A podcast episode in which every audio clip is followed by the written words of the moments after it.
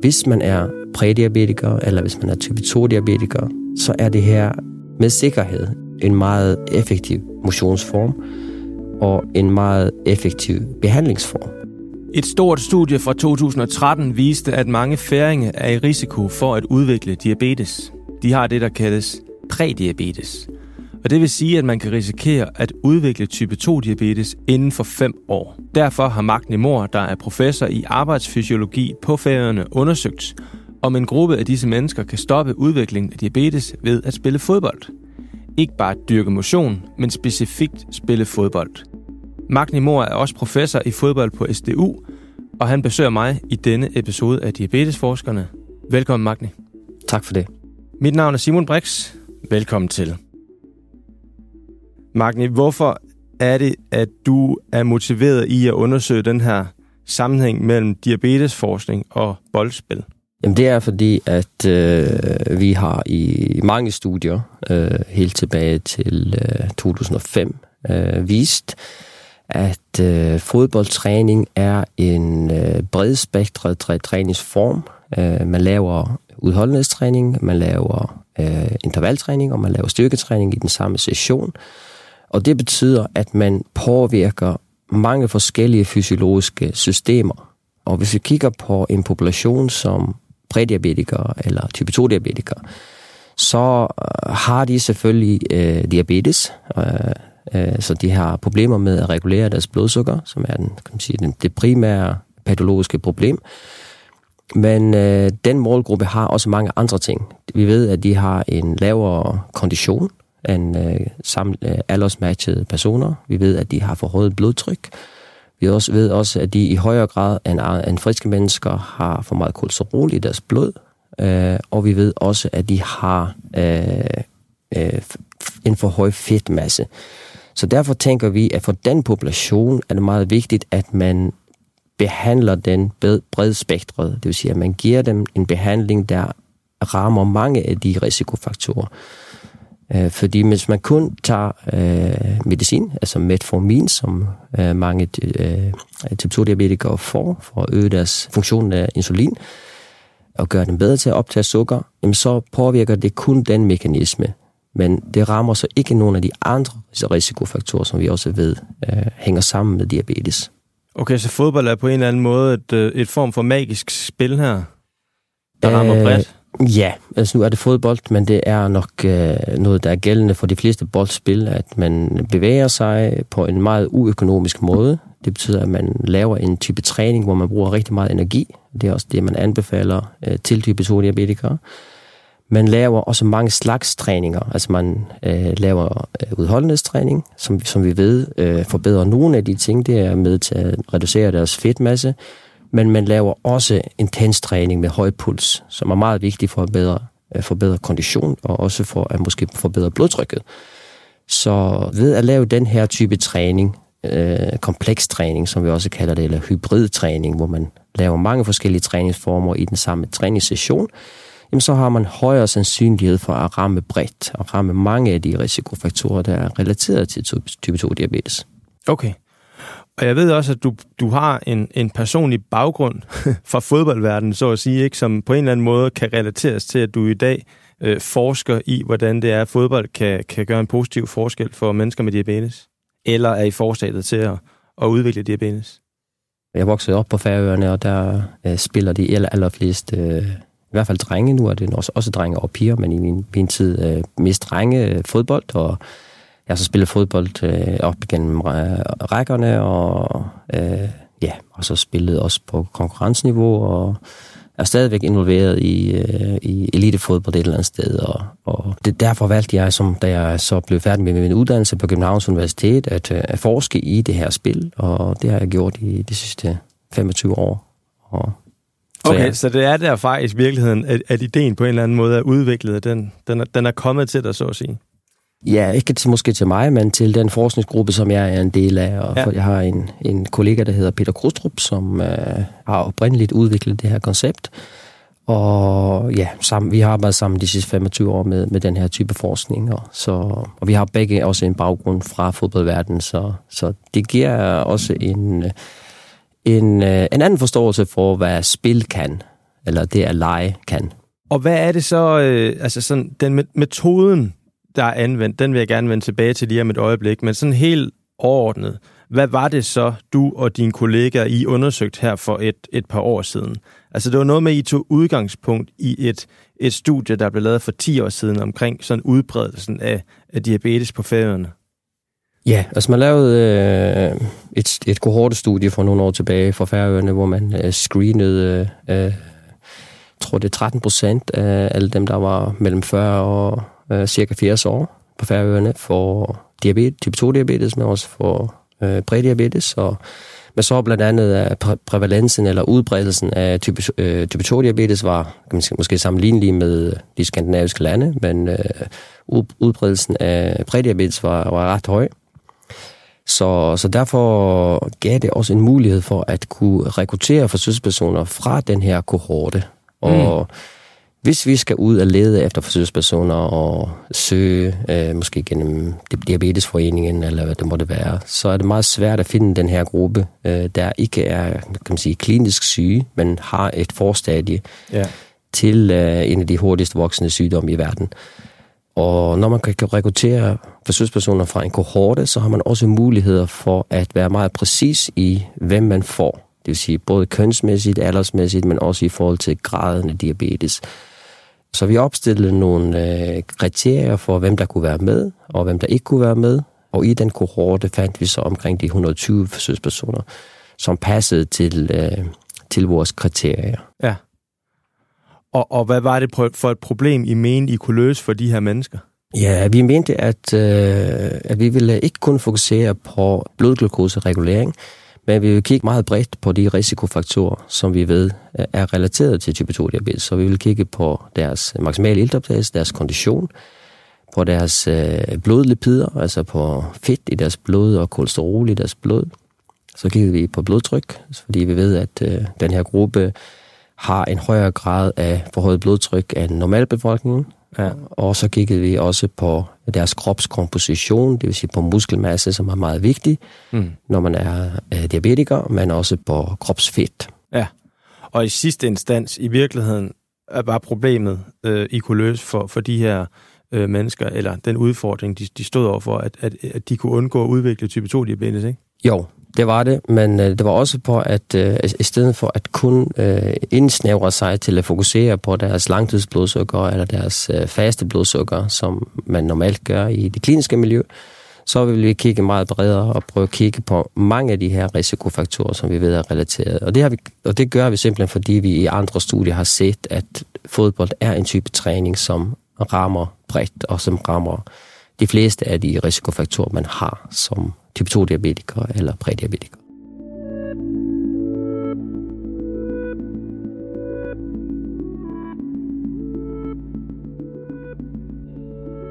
Og Magne, vil du så ikke fortælle, øh, hvordan at I helt præcis greb øh, forskningen an?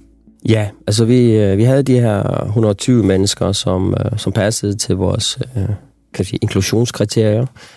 Og det var så kvinder og mænd, øh, og sådan rimelig jævnt øh, fordelt kønsmæssigt. Og vi, øh, vi kontaktede så de her mennesker og, og tilbød dem at være med i studiet. Og der var 50, der meldte sig. Så, så det var næsten halvdelen af dem, som havde været i den oprindelige, eller der passede ind i vores, i vores kasse, der, der kom med.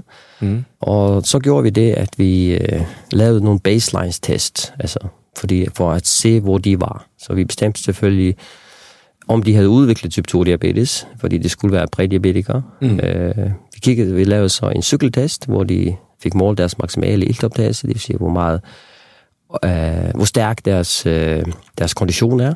Mm. Så lavede vi målinger af blodtryk, vi tog blodprøver, og vi øh, lavede en glukosebelastningstest, som er en test, hvor du øh, drikker lidt sukker i fastende tilstand, og så tager vi blodprøver over en øh, to times interval, hvor vi kigger på hvor hurtigt øh, blodtrykket stiger, men også hvor meget, hvor hurtigt eller hvor langsomt det kommer tilbage til, til baseline. Ja. Det var sådan en status quo, sådan en, Nå, det her er jeg nu, og så skal vi så kunne måle på ja. de samme parametre på et senere tidspunkt. Ja, lige præcis. Ja.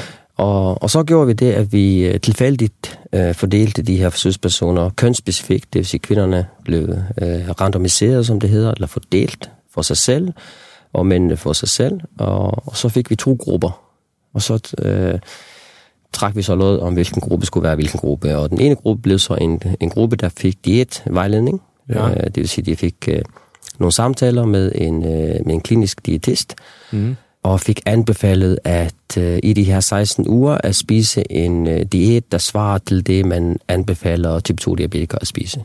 Okay. Hvad er det egentlig typisk? Det er typisk en øh, lav øh, kaloriediæt, øh, og så typisk en diæt, der er rig på fiber og med lidt højere indhold af protein, og med så, så lidt øh, simpelt sukker som muligt. Okay. Det var kontrolgruppen så? Det var kontrolgruppen, ja. ja. Den anden gruppe, eller interventionsgruppen, som vi kalder den, øh, eller fodboldgruppen, den, de fik så den samme diætvejledning, altså nøjagtigt den samme diætvejledning som kontrolgruppen, øh, men så fik de også to gange fodbold om ugen i 16 uger. Okay. Så vi øh, arrangerede øh, småspil, øh, fodboldspil øh, med trænere, med superviseret træning, øh, forskellige steder rundt. Øh, og det havde vi så fire gange om ugen, hvor de kunne møde op. Men vi anbefalede dem så, eller instru- instruerede dem i til at møde to til tre gange. Okay. Over de her 16 uger, der... Så der er en masse færinge på mellem 55 og 70 år rundt og spillede, og spillede fodbold? Ja, og det var endda i... Øh, i vinterperioden, så, oh, så, vi, så vi har nogle fede billeder af, af de her forsøgspersoner, der spiller fodbold i sne og ja. øh, rimelig barst vejr. Men øh, det gik rigtig godt. Ja. Øh, godt fremmøde, og vi havde meget lavt dropout. Øh, det har man altid, når man laver den her type interventionsstudier, så kan der være nogen, der bliver skadet, eller der er nogen, der øh, ikke ønsker at deltage osv. Og, og i det her studie havde vi minimalt dropout i forhold til, hvad vi normalt ser i de her øh, studier. Så. Det kan være, at folk de synes, det var sjovt. Det siger de, ja. øh, og det har vi også vist øh, i, i andre undersøgelser, at det er en, en motionsform, som, øh, som er stærk for fællesskabet, som er stærk, stærk øh, på det sociale øh, område, og som også øh, virker meget motiverende. Men du siger, at de skulle ikke bare møde op og så spille to hold mod hinanden? Nej, vi har en del, øh, vi har nogle koncepter, som vi har udviklet gennem øh, mange års forskning øh, om, hvad der fungerer til forskellige øh, målgrupper. Så vi har øh, en model for, øh, for type 2-diabetikere. Okay. Så det, som det normalt øh, øh, sådan en træning ser ud, er, at der er en øh, opvarmningsperiode, og så spiller man nogle intervaller af små spil, øh, hvor man normalt spiller 4 mod 4, 5 mod 5 eller 6 mod 6 på små baner, så det er meget vigtigt, at øh, det er på små baner for den her, for den her gruppe. Okay. Og det gjorde de så i, i 16 uger, og så gentog vi øh, vores tests på samme måde, på samme tidspunkt af dagen, og på en standardiseret måde, hvor vi så kunne sammenligne deres udgangspunkt og hvad der var sket over de her 16 uger. Godt. Og hvad I nåede frem til, det vil jeg gerne vende tilbage til lige om et øjeblik. Øh, jeg vil lige høre, var der nogle udfordringer egentlig forbundet med at lave det her studie? Altså nu siger du, at det var, det var om vinteren på færgerne. Altså var det simpelthen for koldt og svært at gennemføre træninger en gang imellem, eller hvad ved jeg?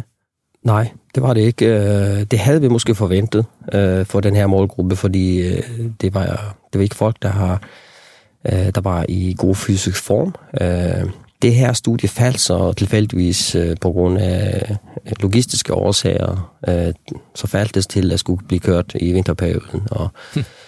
øh, men det fungerede rigtig godt. Hvis jeg husker rigtigt, så, var vi, så aflyste vi ikke nogen træninger. Øh, men der var nogle træninger, der, der blev gennemført med, med, med lige sne på banen. Og på kunstgræs, eller hvordan? På kunstgræs, ja. ja. Og, og det gode ved for Færøerne er, at der er fodboldbaner over det hele. Okay. Øh, så, og så fik vi Øh, også øh, meget god, god øh, support fra det færske fodboldforbund, øh, men også fra klubberne, som deltog. Så for eksempel blev nogle træninger af geografiske årsager placeret i hovedstaden, men andre blev placeret øh, i de yderste regioner af Færøerne, og, og der blev det så øh, koordineret sammen med øh, fodboldklubberne.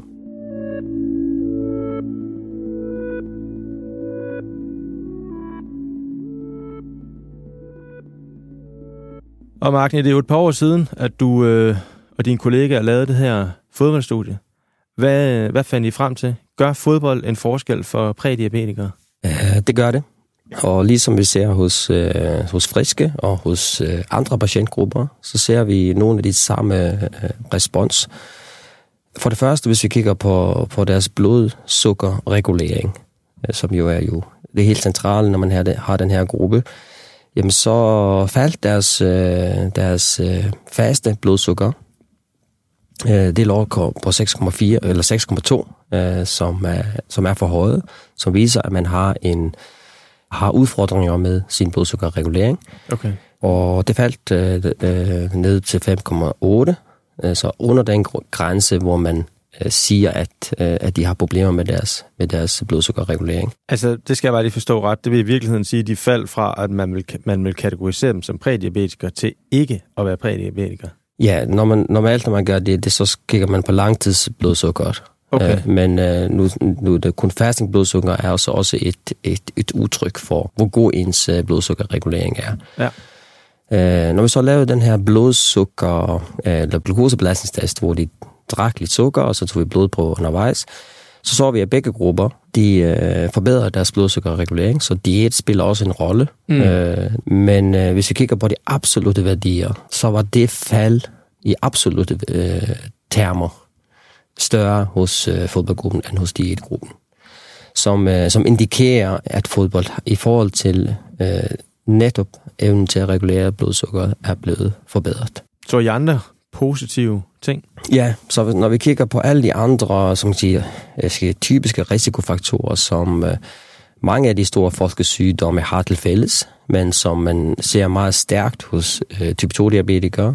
Øh, for eksempel så vi deres blodtryk faldt. Øh, de, var, de var hypertensive, før de kom ind i studiet, det vil sige, at de havde forhøjet blodtryk.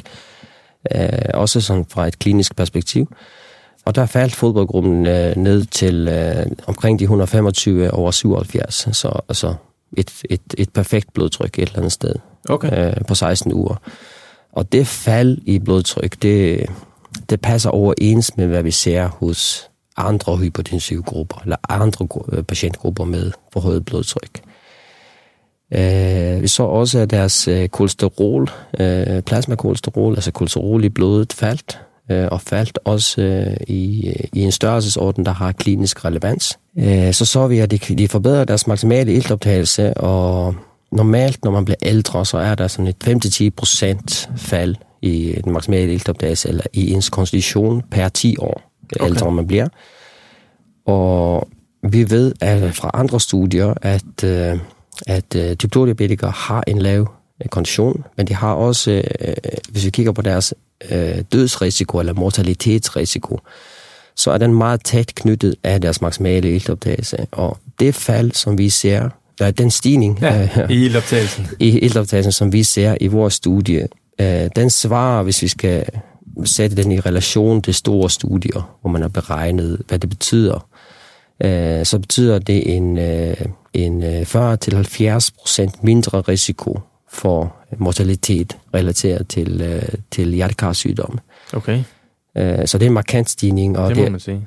Øh, så så vi også, at de øh, havde et fedttab øh, på 3,5 kilo, øh, og det er jo et, et kæmpe problem, og også en af årsagerne til øh, udviklingen type 2-diabetes øh, for, er for, for meget krop, øh, kropsfedt. Øh, og så så vi også, at de, at de øgede deres muskelmasse, altså fodboldgruppen øgede deres muskelgruppe med 1 kilo i forhold til øh, øh, diætgruppen eller kontrolgruppen. Ja. Ja. Og det at have en, en høj muskelmasse, det gør, at man har øh, en større muskelmasse at, øh, at tage imod det øh, sukker, der er. Det vil sige, at når man optager sukker fra, øh, fra blodet til i musklerne, som er en af de, den, den helt store øh, forbruger af, af, af sukker, jamen, så bliver det lagret i musklerne som glykogen, øh, som er sådan lange kæder af, af sukkermolekyler jo større en muskelmasse du har, jo større kapacitet har du til at, øh, til at lære sukker i, ja. i musklerne, eller game sukker i musklerne. Det er jo virkelig markante resultater. Var, var der flere ting? Vi kiggede også på deres, øh, deres knogle øh, struktur. Ja.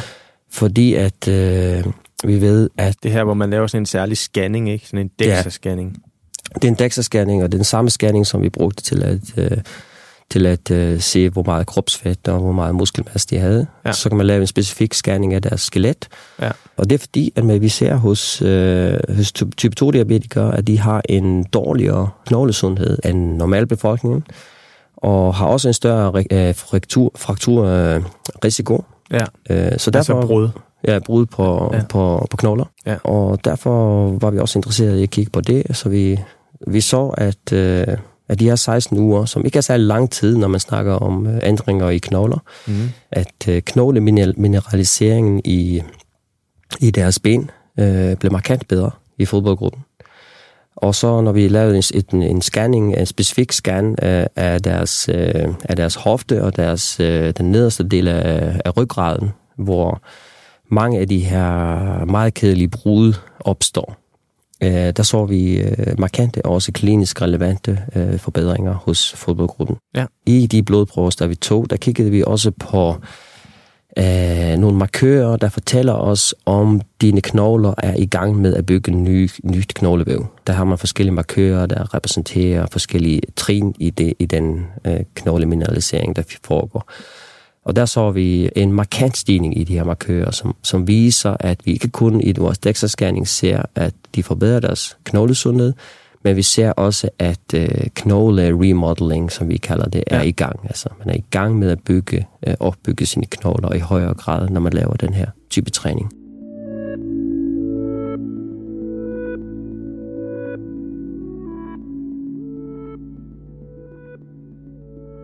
Det er jo mange positive resultater, og, og, og nogle af dem lyder meget markante. Altså, kan, kan I på baggrund af det her studie sige noget sådan med en, er det ikke signifikant sikkerhed, man kalder det inden for forskningsverdenen? Altså, hvad, hvad, hvad vil du sige, at studierne her kan konkludere? Det er altid mm, begrænsende at kigge på enkeltstudier, øh, når man skal drage store konklusioner. Så, så det, som man gør, når man gerne vil vide, om, øh, om et fænomen virkelig er øh, rigtigt øh, Mhm. eller sandt, hvis vi, hvis vi skal bruge det ord, Mm. øh, så laver man det, som hedder en meta-analyse. Og det, man gør, er, at man tager øh, alle de studier, der er lavet, den her type interve- interventionsstudier, øh, der er lavet, og så kigger man, øh, jamen, er der virkelig en stigning i, i den maksimale iltopdagelse? Er der virkelig en stigning i, øh, i knoglesundhed og så videre? Og er der virkelig et fald i blodtryk? Og der har vi så heldigvis lavet øh, de her meta-analyser, eller de her statistiske analyser for øh, mange af de her variabler, jeg lige har nævnt. Vi har Okay. kigget på øh, blodtryk, på øh, kropskomposition, altså det vil sige redu- reduktionen i fedt og opstigningen af muskelmasse, Ja. på maksimal iltoptagelse og også på knogleændringer. Øh, det er tre forskellige metaanalyser, vi har lavet, og, og de resultater bekræfter det, vi ser i det her studie. Så derfor kan vi med sikkerhed sige, at hvis man er prædiabetiker, eller hvis man er type 2-diabetiker, så er det her øh, med sikkerhed en, en, en meget effektiv motionsform, og en meget effektiv behandlingsform af, Okay. okay. af, ens, øh, af ens udfordring på det her. Godt. Jamen, opfordringen er dermed sendt videre. Kom ud og spil noget fodbold. Øh, Magni, øh, her til sidst, så vil jeg lige høre dig. Hvor, hvor tror du, det her felt, det kan, det, hvordan kan det udvikle sig, sådan hvis vi ser ud i fremtiden, 5 og 10 år ud i fremtiden? Altså, kan fodbold blive en større del af behandlingen simpelthen, eller forebyggelsen øh, af, af diabetes? Det tror jeg helt klart, og jeg tror, vi er, vi er på vej øh, med det her, og i, øh, i de sidste 25 år, så har vi øh, så har vi kigget på mange forskellige patientgrupper. Øh, vi har også kigget på øh, utrænede, der er i risiko. Vi har kigget på flere forstadier øh, grupper, ligesom prædiabetikere, folk med øh, mild hypertension, øh, og vi ser de samme øh, resultater, hvis vi, hvis vi kigger bredt over den her forskning, der er lavet de, de sidste 25 år. Og det, som vi så har brugt meget tid på de sidste år, det er, at vi har brugt den her viden til at udvikle sportskoncepter. Mhm. Øh, Det vil sige fodbold for hjertet, det vil sige fodbold for, fodbold for øh, hjertepatienter, øh, fodbold for øh, øh, kvinder, der har haft øh, kræft i, altså brystkræft. Vi Mhm. har haft har nogle modeller for mænd med prostatacancer, øh, og en del andre øh, målgrupper. Okay. Øh, og selvfølgelig er diabetes også interessant, øh, fordi det er et af de absolut største problemer, som man har på det øh, globale plan øh, i dag. Og øh, de her koncepter, de bliver brugt. Øh, for eksempel øh, vores øh, prostatacancer øh, model bliver brugt en del i, i sundhedssektoren allerede nu. Okay. Øh, Så derfor tror vi absolut, der er potentiale i det her. Ja. Og, og det, som er med fodbold eller boldspil, det er, at du bliver, du går ikke kun til træning i fitnesscentret, som øh, vi også gør, og som også er fint. Som man kan gå kold i. Men man kan gå kold, i, og det kan man jo et eller andet sted i alt. Men når man er del af et hold, og måske med en gruppe, der har den samme udfordring, øh, jamen så bliver det, øh, har vi set i de her studier, vi har lavet, et meget stærkt fællesskab. Det bliver folk, der bliver drevet af indre motivation øh, i højere grad end skrækken for at blive syg. Øh, så derfor ser vi et kæmpe potentiale i den her træningsform. Ikke kun for type 2 diabetes, men også for en, en række af de andre store folkesygdomme. Ved du hvad, Magni? Det, øh, det lyder meget positivt og, øh, og perspektivrigt, og med noget med, med et stort potentiale i, så du skal have tusind tak, fordi at du kom i studiet og fortalte om, om din forskning. Det var så lidt. Og på den note er vi ved at være nået til vejs ende af denne episode af Diabetesforskerne. Husk, at du kan finde alle episoder fra den her sæson og de to første sæsoner i alle podcast-apps. Du kan desuden læse mere om diabetesforskning på de nu syv Steno Diabetes Centers hjemmesider. Mit navn er Simon Brix. På genhør.